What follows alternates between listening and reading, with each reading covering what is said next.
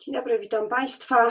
E, sytuacja z pieniędzmi w naszym e, kraju jest skomplikowana. Polska walczy o fundusze na Krajowy Plan Odbudowy, a może nie walczy wystarczająco konsekwentnie, jednocześnie wciąż bije kara nałożona przez Trybunał Europejski w sprawie Turowa. Nie zostały wykonane zabezpieczenia nakazane przez unijny wymiar sprawiedliwości. Tymczasem na granicy Polski i Białorusi trwa kryzys migracyjny. Pół miliona euro, jak bardzo takie pieniądze mogłyby pomóc w przygotowaniu infrastruktury na przyjęcie tych, którzy oczekują lepszego życia i błąkają się po, po bagnach e, i lasach. O tym będę rozmawiała już za chwilę z moim gościem, Zuzanna Dąbrowska. Dzień dobry. A moim gościem jest e, posłanka Polski 2050 Paulina Henik-Kloska. Dzień dobry pani poseł. Witam serdecznie panią redaktor, witam naszych widzów. E, mówiłam w zapowiedzi o tym, że pieniądze, które e, jesteśmy zobowiązani płacić za niewykonanie zabezpieczenia dotyczącego e, Turowa, kopalni w Turowie, mogłoby wystarczyć pewnie z nawiązką na pomoc dla tych osób, które tej pomocy na wschodniej granicy E, mm, wymagają, ale oczywiście to jest tylko e, jedna e, z rzeczy, jeden z celów, na które pieniądze Polska powinna wydawać. Widzimy, co dzieje się w różnych dziedzinach, w ochronie zdrowia chociażby, w edukacji, gdzie nauczyciele czekają na podwyżki. Można by tę listę bardzo wydłużyć. Więc pytanie pierwsze: jak ten niedobór finansowy wynikający z niejasnych perspektyw e, unijnych wpływa na budżet, e, który właśnie e, w glorii i chwale jest uchwalany. Brak pieniędzy z funduszu odbudowy to przede wszystkim kolejne zapóźnienia w niezwykle ważnych obszarach. E, które my mamy do zagospodarowania albo do takiego e, ucyfrowienia, zmodernizowania. Mam tu na myśli, tak jak pani redaktor powiedziała, zarówno e, opiekę zdrowotną, która wymaga sporów, sporych nakładów nie tylko inwestycyjnych, ale także pewnej zmiany funkcjonowania systemu. No i inwestycje oczywiście w zasoby ludzkie, ale z drugiej strony mamy no, transformację energetyczną, która właśnie z środków unijnych ma być finansowana e, z dwóch rodzajów środków unijnych. Z jednej strony mm, to jest fundusz odbudowy wstrzymywany przez konflikty wewnątrz Zjednoczonej Prawicy e, mm, wokół wymiaru sądownictwa e, i z drugiej strony to są prawa do emisji CO2, które rząd mm, pobiera, pieniądze z tego tytułu rząd pobiera i nie inwestuje jak należy w nowe źródła czyste i tanie źródła energii. Ja wiem, że grożą nam ceny prądu. I to są te obszary przede wszystkim, które powinny być wspierane przez środki europejskie. No oczywiście y, wsparcie infrastruktury i pomaganie rozwiązywania problemów migracyjnych na świecie również będzie wymagało odpowiednich nakładów finansowych. Tymczasem my jesteśmy jako obywatele, można powiedzieć, ofiarami konfliktu w Zjednoczonej Prawicy, który jak widać nie może ruszyć z miejsca, mimo że wydaje się, że prezes Kaczyński byłby gotowy zrobić krok wstecz. Jest po prostu zakładnikiem Zbigniewa Ziobry i jego 18 głosów w Sejmie. Internet ma swoje prawa i czasem się rwiamy. Dalej rozmawiamy z posłanką Polski 2050, Paulina Henik-Kloska. Pani poseł, rozmawiałyśmy o pieniądzach, o e, funduszach, e, relacji między e, środkami unijnymi a budżetem krajowym. Ja bym chciała, żeby Powiedziała Pani, co to jest za suma? E, pół miliona euro. Jaka to jest pozycja? E, co to są za środki, te, które mamy płacić dziennie, e, bo nie płacimy, ale mamy płacić dziennie jako karę? Na co one mogłyby wystarczyć? Gdzie można by je w budżecie umieścić?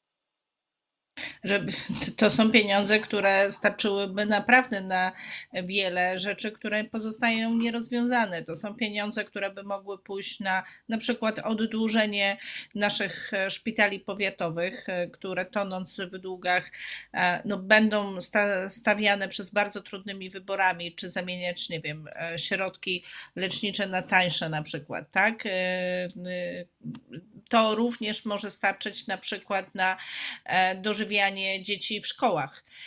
Niezwykle e, ważna kwestia. Wiemy, że wiele dzieci, mimo 500 plus i innych świadczeń e, finansowanych z rządu, przez rząd, przez budżetu państwa, wciąż chodzi do szkoły głodnych. To są na pewno też środki, które można by było przeznaczyć na wsparcie dla seniorów, czy na przykład osób z niepełnosprawnością, na uruchomienie w końcu opieki e, wytchnieniowej e, w powiatach albo e, fundusze rehabilitacyjne dla osób, które czekają wciąż na zwiększenie nakładów na rehabilitację, która miałaby ich przywracać mm, do zdrowia. Naprawdę potrzeb takich bezpośrednio czysto ludzkich, w które moglibyśmy inwestować, żeby w Polsce żyło się lepiej, jest cała masa problemów nierozwiązanych także. Pani poseł, a jak Pani ocenia relacje między władzą centralną a samorządami e, na, e, w, w tych relacjach finansowych? E, to znaczy, czy samorządy zwiększają swój, swój udział w zarządzaniu pieniędzmi pochodzącymi z podatków, czy ten udział się zmniejsza? Niedawno Rzeczpospolita pisała o jednym z przykładów. Chodziło o ustawę o repatriantach i tam za pomocą jednego słowa, y, jakby zmienia się sens y, i sposób przyznawania środków. Y, z przepisu samorządy otrzymują, proponuje się przepis, samorządy mogą utrzymać i otrzymać. I to już nie chodzi o tę konkretną ustawę, ale, ale o sam mechanizm pewnej uznaniowości. Czy za sprawą e, następnego budżetu można mówić o takim dalszym wzroście poziomu e, uzależnienia od, od decyzji politycznych tego, co otrzymują samorządy? Przede wszystkim trzeba zauważyć taką rzecz, że zmniejsza się udział dochodów własnych gmin w dochodach ogółem.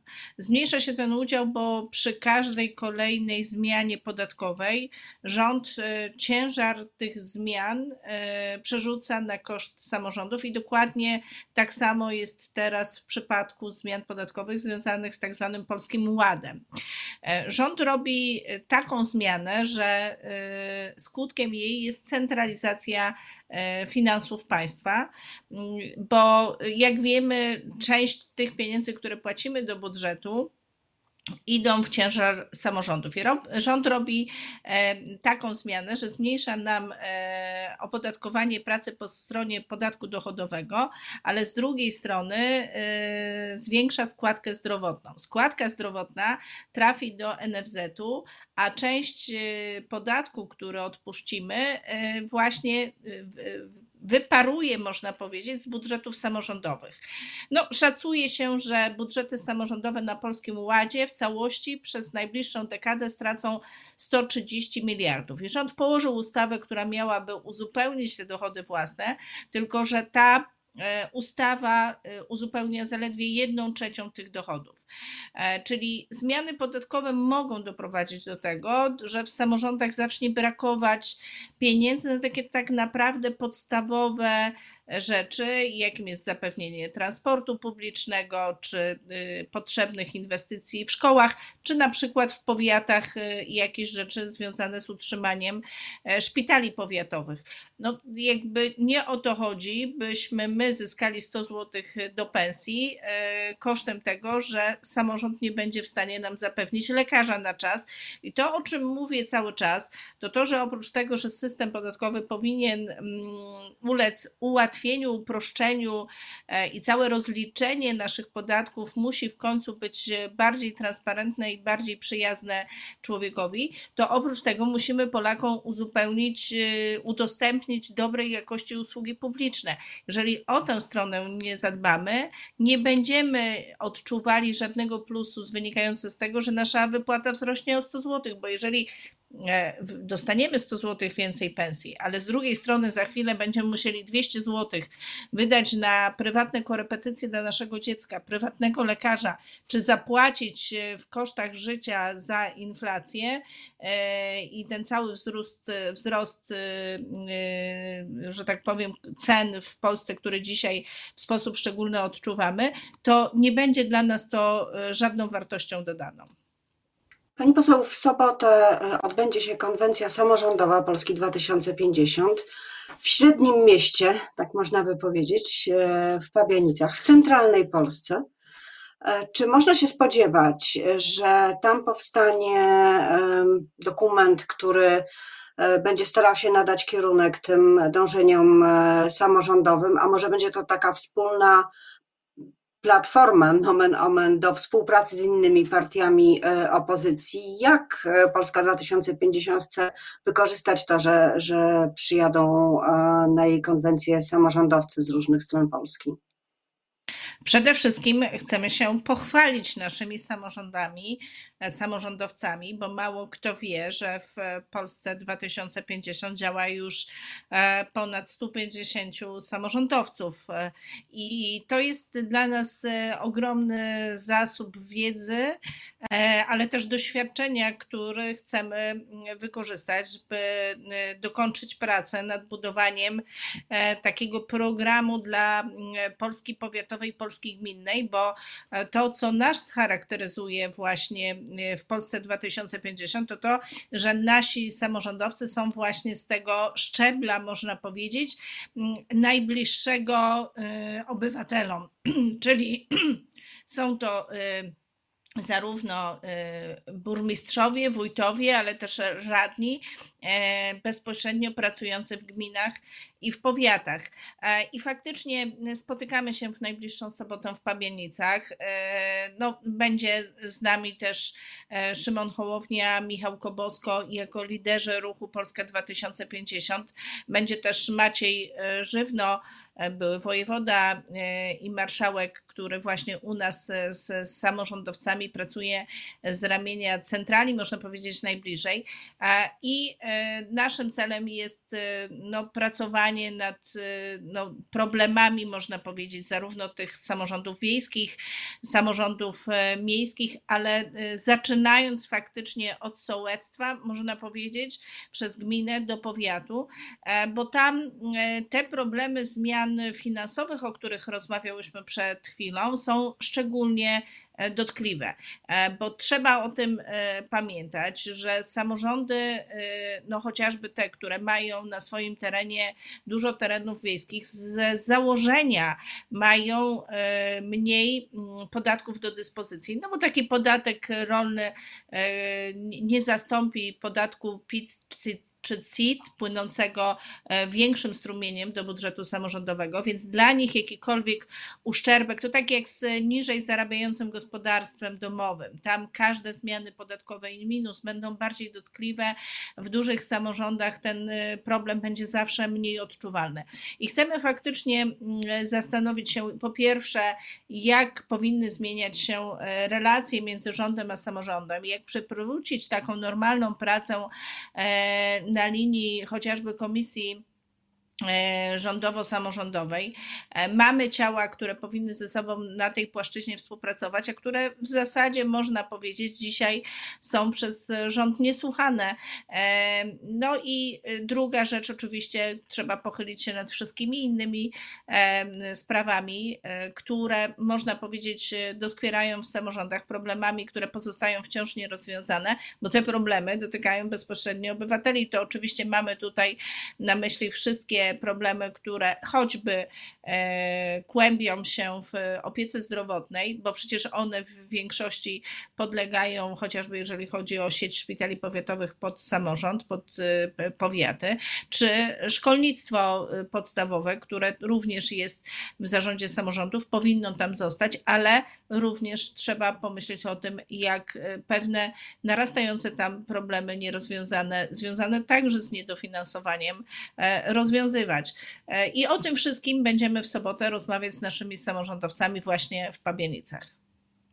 Pani poseł, na koniec chciałam zapytać o coś, co jest główną treścią e, politycznej batalii teraz e, w Polsce, czyli sytuację na wschodniej granicy. Co Pani zdaniem należałoby zrobić natychmiast, już teraz, tam w rejonie stanu wyjątkowego?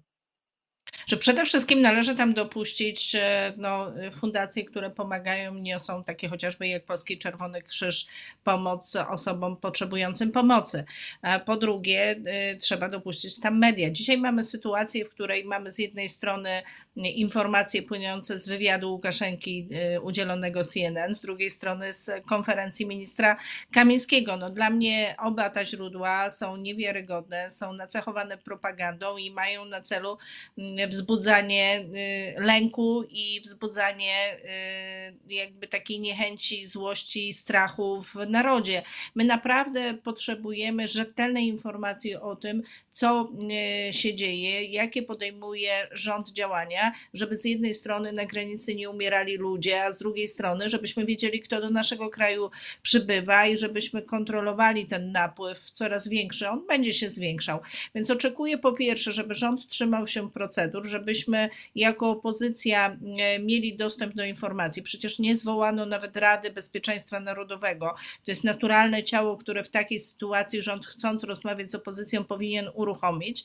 No i e, oczywiście oczekuję, że dzieci dzieci, osoby słabsze e, no, będą odpowiednio zaopiekowane. Nie może dochodzić do takich sytuacji, jak doszło w ubiegłym tygodniu, że dzieci mm, w wieku dwóch, trzech, czterech lat zostały odesłane nocą e, na bagna do lasu, e, bo to się po prostu jednak nie godzi i w cywilizowanych państwach e, Europy Zachodniej e, takich standardów się nie stosuje. To są standardy Łukaszenki, ale one nie mogą stać się standardami Rzeczpospolitej Polskiej. Bardzo dziękuję za tą analizę finansowo-polityczną. Moim gościem była posłanka Polski 2050 Paulina Henik-Kloska. Do zobaczenia. Do zobaczenia, dziękuję bardzo.